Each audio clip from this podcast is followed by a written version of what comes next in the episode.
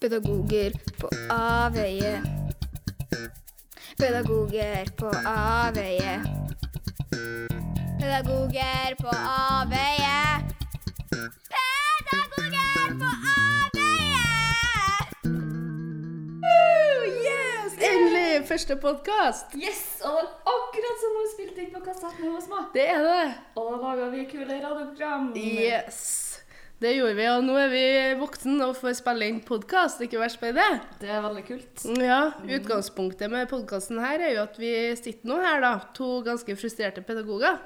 Ja, vi har jo vært frustrerte i god stund. eh, I hvert fall i forhold til hvilke tendenser som er i oppvekstsektoren, og særlig i barnehagene. Ja, og så har jeg vært innom skolen, så det må vi ha med oss. Ja vel. Det Ja. kan du sikkert. ja. Vi må det. Ja vel. Greit. OK. Jeg gir meg. Ja. Så nå tenker jeg at vi skal dele ut litt frustrasjoner, eller vi skal kanskje ikke dele dem ut. det Nei, ikke helt ennå. Nei, ikke helt ennå. ja. Ja. Vi skal i hvert fall dele dem i podkasten her, da. Eh, men først Hvordan var du som barn? Jo, som barn så var jeg ganske sjenert og rolig. Satt og tegna perler og gjorde ikke så veldig mye ut av meg.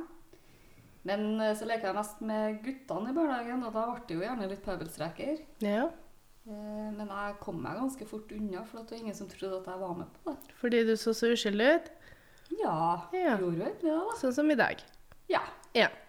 Lever godt på den. Ja, Ja. det er ikke verst. Men hvordan så du, da? Jeg kom meg ikke unna, for å si det sånn. Jeg var det som vi i dag kaller det filosofiske barnet, som på 80-tallet het for det slitsomme barnet med masse spørsmål. Oh, ja. Så da kunne jeg liksom gå til de barnehageansatte mens jeg satt der og røyka med permanentene og store briller, satt og pusta i røyken og bare Og så kommer jeg og så bare Hvorfor er gul gul og ikke gul grønn? Hvem som har bestemt at tre skal hete tre? Hvorfor er det sånn? Hvorfor dit? Hvorfor datt? Så da fikk jeg jo fint beskjed om at det bare var sånn, så det var bare å gå og legge seg. ja. Ja. Så ganske nysgjerrig, altså. Ganske nysgjerrig. Og så var jeg også nysgjerrig ikke bare på ting rundt meg, men også på mennesket og kroppen. Og da var det jo en eh, på avdelinga som eh, var ganske stor og hadde ganske lange pupper. Og det var jo jeg og venninna mi veldig fascinert over, for vi hadde aldri sett så lange pupper før. Så når hun, en voksen person der, skulle være med oss i eh, bassenget, så tror ikke jeg det var så behagelig opplevelse for hun. For vi gikk jo og masa om at hun skulle ta av seg badedrakten i dusjen. For at dere skulle se. For at vi skulle se. For vi har jo aldri sett så lange pupper før. Nei, så klart. Det er jo spennende. Ja, det var det. Ja. Vi fikk jo ikke se det, for jeg tror vi ble ganske fornærma. Så sånn ble nå det, da. Men er det noe mer du husker fra 80-tallsbarnehagen? da? Ja, jeg husker jo egentlig litt eh, den fine pedagogikken til enkelte voksne som syntes det var litt uh, trasig med bøllete guttene. Ja. Uh, og da var det litt lett å finne sånn som meg da, og flere andre som var veldig rolig. Da Ja. ble vi plassert sånn i midten uh, når vi skulle spise eller ha noe samlingsstund. For det var jo veldig greit for voksne. Da slapp de jo på en måte å bry seg så hardt. Ja, funka det?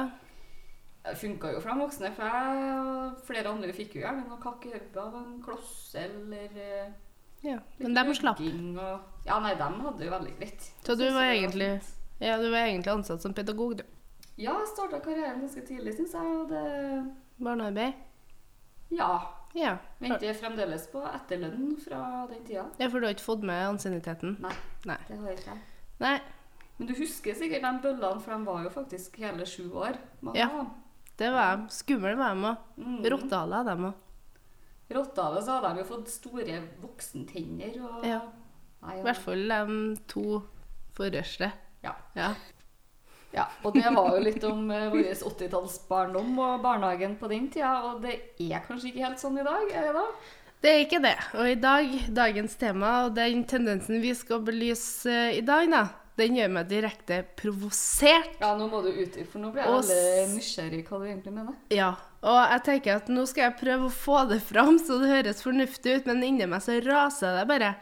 Og jeg kjenner at jeg blir så frustrert over den kvalitetsmålinga som vi blir pålagt, og kartleggingsprogrammene og dokumentasjonene som vi må bruke masse tid på.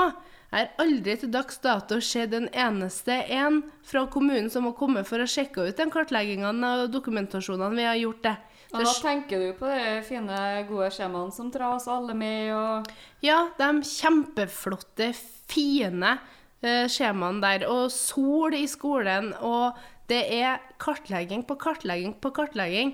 Til slutt så trenger vi kanskje ikke noen utdanna lærere eller barnehagelærere, for vi skal bare krysse av et jævla skjema. Eller fargelegg. Eller fargelegg, ja. Og jeg kjenner at det her provoserer meg veldig, for at det tar jeg som en mistillit til faget. For jeg tenker at de fleste fagutøverne, de er faktisk i barnehagen, de er i skolen. De har en kompetanse som de kan bruke.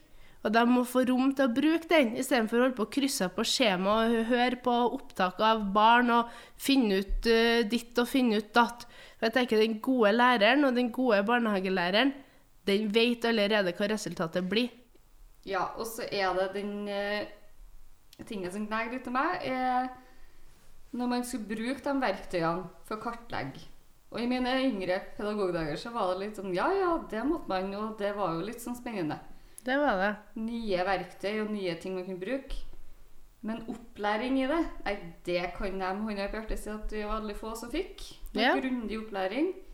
Og de gangene du var litt usikker på et barn, da, og kanskje hadde behov for å bruke det, eh, så var det jo først når man først hadde lest seg grundig opp på det, at man skjønte hvordan man burde bruke det. Og da går det jo opp for deg at det her trenger jo ikke å brukes på alle barn. Det gjør jo ikke det. Nei, Nei, for den gode læreren og den gode barnehagelæreren kjenner jo ungene. Ja, for du vet jo det her, og det er jo ikke Har du en viss oversikt over ei barnegruppe, så skal det veldig mye til for at du ikke vet hvilke barn som du trenger å jobbe med enkelte ting. Ja, og den gode læreren og den gode barnehagelæreren vet jo det. At det barnet er sterk her, og det barnet trenger utfordringer her, og det barnet liker å gjøre det her, og det her kan vi få erfaringer med, her kan vi utfolde oss, her har vi en god stund vi kan eh, gripe tak i det øyeblikket her Ja, for så å ikke utvikle minst- videre. Jobber man med det i barnegruppa og i det arbeidet man gjør til vanlig? Ja, og så er det noe Ofte så trenger du ikke et skjema som du har kryssa ut eller fargelagt grønt for å skjønne at Å, å, det her trenger vi å jobbe med. For det, Nei. det vet du. Og hvor er den gode diskusjonen i personalgruppa da, med at ok, hva, hva betyr det her? Hvordan, den dokumentasjonen her, hvordan syn på barn fremmer det? Hvordan er det opp imot formålet vårt og det vi skal jobbe imot, samsvarer det? Opp imot faget og det etikken som vi skal ha til grunn? Det er jo ingen Jeg har ikke vært til dags i Jo, jeg, forrige barnehage jeg jobba i, der snakka vi mye om sånt. Men det var vi jo prisgitt styreren vår, som også var engasjert i det. I de andre barnehagene så har vi ikke snakka om det. Det har vært sånn underlagt tone om at alle barn skal kartlegges. Ja, og ikke minst eh, enkelte barnehager, litt kommersielle barnehager, har jo i tillegg ekstra ting man skal pakke på og Ja. gjøre med barna. Og så tenker jeg for min del så faller ikke sånne ting naturlig. At du skal ha ei sånn standard samlingsstund klokka tolv. Nei. For det, da er vi rett tilbake til 80-tallsbarnehagen igjen. Ja, men jeg tenker jo samtidig òg, da, at uh, alle de verktøyene vi skal bruke, den tar jo bort tida vår fra faktisk å være sammen med ungene, for å faktisk utøve faget vårt. Ja. Om du så jobber i skole eller barnehage, så bruk, tar det bort tida du kan bruke. Nå, hvis du i barnehagen, da, eh, da kan vi heller ha fokus på det helhetlige, ikke sant? Det helhetlige læringsbegrepet, da, hva det vil si. Og det handler jo om å være med ungene her og nå og gripe tak i det, det som ligger foran deg, og det barnet blir opptatt av. Og da kommer jeg jo på det vi snakka om Vet ikke om det var i går eller i dag, vi har snakka mye. Eh, det er en situasjon jeg bare tenker Det her er noe jeg har lyst til å gjøre ukentlig, om daglig. Når du har et barn som kommer og forteller deg en historie, Mm. og så har du muligheten, så går man og så skriver man opp historien. Finner figurer, eh, ordner til sånn at barnet er med og styrer. Og så forteller du det til resten av barnegruppa, viser det til foreldre. Eh, og så ser du hvor mye det, det gir barnet, hvor mye det gir barnegruppa, hvor mye som kommer ut av en sånn bitte liten ting som du har mulighet til å ta tak i. For at du ikke er på vei til et møte, eller ikke er på vei til å skal på å fylle ut noe kartleggingsskjema, eller er opptatt av eh, har en blyantgreppe. Ja. Men du er i situasjonene der og da, Mm. og får med deg det som skjer, og da Da kjenner du barna. Du gjør ikke det hvis du skal begynne å kjenne dem etter eh, han Per han har blå på den, han har ikke gul på den. Gir ingen mening at du skal ha et kartleggingsskjema hvis ikke du kjenner ungene. Nei, men så tenker jeg samtidig også at dere, vi kan si nei, og jeg vet det er mange som har sagt nei. Og både av lærere og barnehagelærere som sier det, at det der kommer ikke jeg til å bruke. Jeg har undervist eh, barn i mange, mange år, og mange av dem har blitt veldig gode lesere. Og jeg kan utøve faget mitt det, uten å holde på og skal dokumentere alt sammen. Fordi at det er det som er viktig. Det er den tida vi bruker sammen med barna Ja. som er viktig. Og ikke skape sånne kunstige situasjoner der ting skal testes. Og så tenker jeg at det blir jo nesten som at det kommer en slags ny industriell revolusjon i oppvekstsektoren. da. Fordi Ja. at vi skal produsere? Vi skal produsere barn som scorer høyt på tester, som eh, eh, hever kommunen. Vi skal score høyt på tester som hever Norge. Vi skal score høyt på Og det er liksom enkelte fag, bare. Og jeg tenker at den revolusjonen vil ikke jeg være med på. Eh, Klart jeg vil være med på at barn får en god utvikling i fag også, men jeg vil ikke være med på den hvis kriteriene er det at vi skal bruke så mye tid på kartleggingsverktøy at vi ikke får utøvd jobben vår og være sammen med ungene. Nei, for hva er det vi vil, da?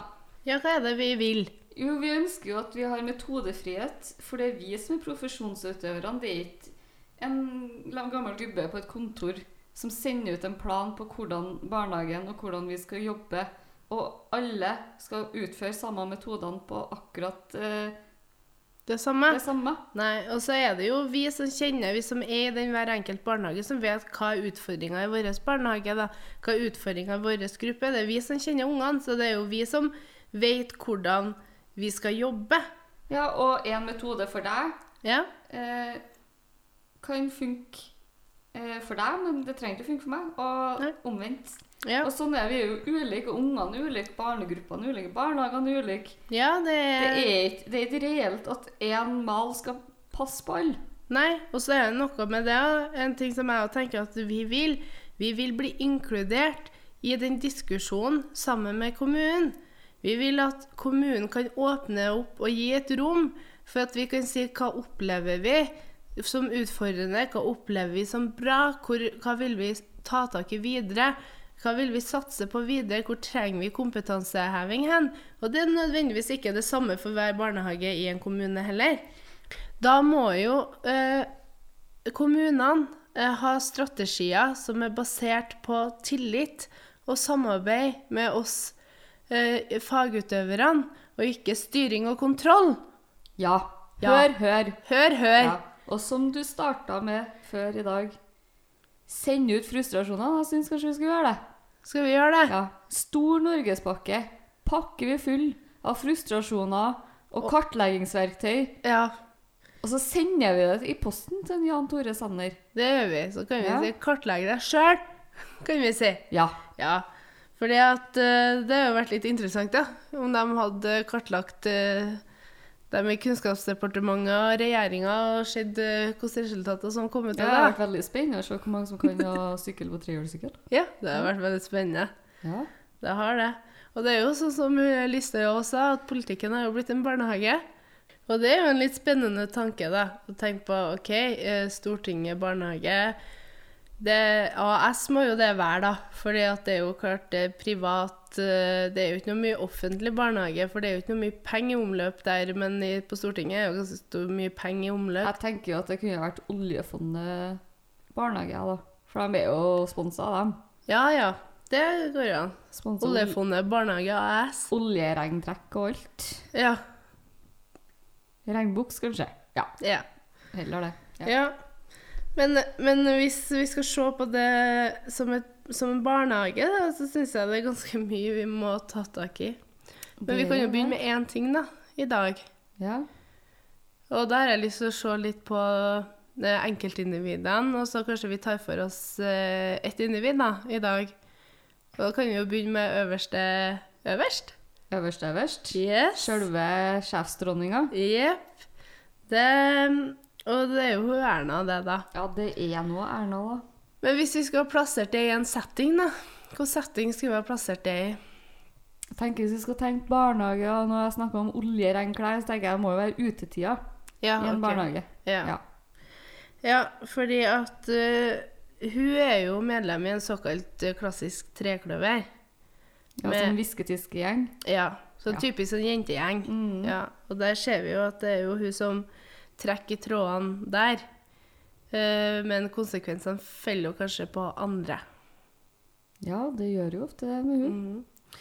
Så og han eh, Knut Arild, han får jo Han har jo vært med i den vennegjengen der før, men eh, føler seg litt utstøtt. Føler ikke at han får liksom komme med sine bidrag da, i leken. Nei, så Derfor er han jo litt ut og sykle, da. Sånn Ja. bokstavelig talt. Ja. Litt sånn rundt omkring nå. Og spede litt hva jeg egentlig de holder på med. Ja, kanskje søke seg noen andre venner. Ja. Syns jeg ser at han gjør. Og Men det virker som at Erna liksom tenker at nei, hun må jo på en måte ha en type makt også over han, altså prøve å kjøpe han tilbake litt. ja, for hun bruker å ha med seg noe ut i utetida hun som ikke har lov til. Ja, og jeg tenker at eh, hun bruker jo på en måte å lokke han Knut Arild til å være med på leiken, da, eh, med å prøve å hinte om at de skal se på abortloven, f.eks., og det er jo ikke noe bra for fellesskapet i Ja, for den, barnehagen. den har hun bare tatt fra inn, han. Inn? Har han tatt fra inn? har han tatt inn, han? Ja, ja. ja. har han tatt inn, han? Skulle jo si. Har tatt, tatt med abortloven fra inn. Ja. Og det har jeg jo ikke lov til. Jeg har ikke lov til å ta den med ut. Nei. Nei. Den Ja. hører til inn, den. Ja, den skal Ja. få være i fred, egentlig. Den skal få være i fred. Ja. Det er bestemt, og sånn skal det være. Ja, men eh, Så det er jo, skjer jo det at hun Erna bruker jo litt sånn lokkemidler og tar avgjørelser, avgjørelser som nødvendigvis ikke er best for fellesskapet, da. Eh, og det er jo Det tror jeg må være viktig å jobbe med opp mot hun i en barnehage, da. Ja, og jeg er jo litt spent da, når det er litt sånn eh, hva har jeg, Hvorfor har han med seg ut? Og Ja. viser den fram, og hva har jeg tenkt å gjøre med den? Ja. Og det er jo ingen som vet. Nei, det er jo ingen som vet det. Ingen som vet Nei. det.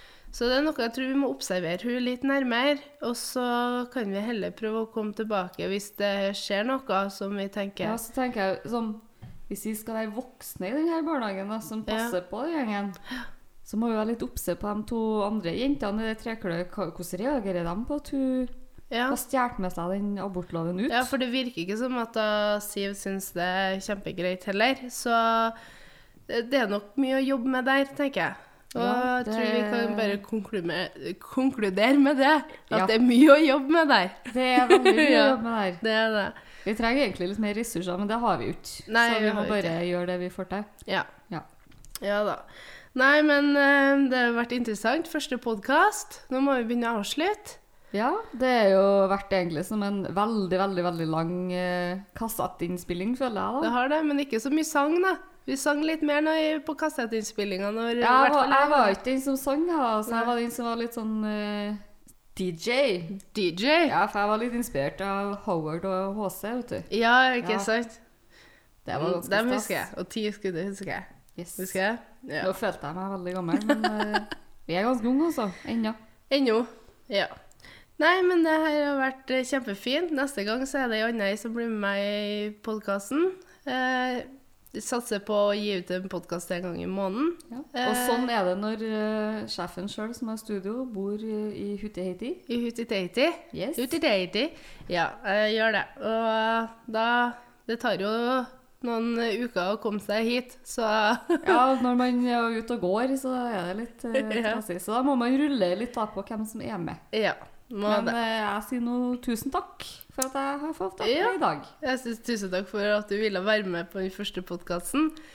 Så må jeg jo bare si at eh, hvis dere har eh, lyst til å gi tilbakemeldinger, eller har lyst til å eh, gi oss tips om hvilke tendenser vi skal ta opp, så kan dere bare sende en mail til barnehagelaereren alfakrøll gmail.com.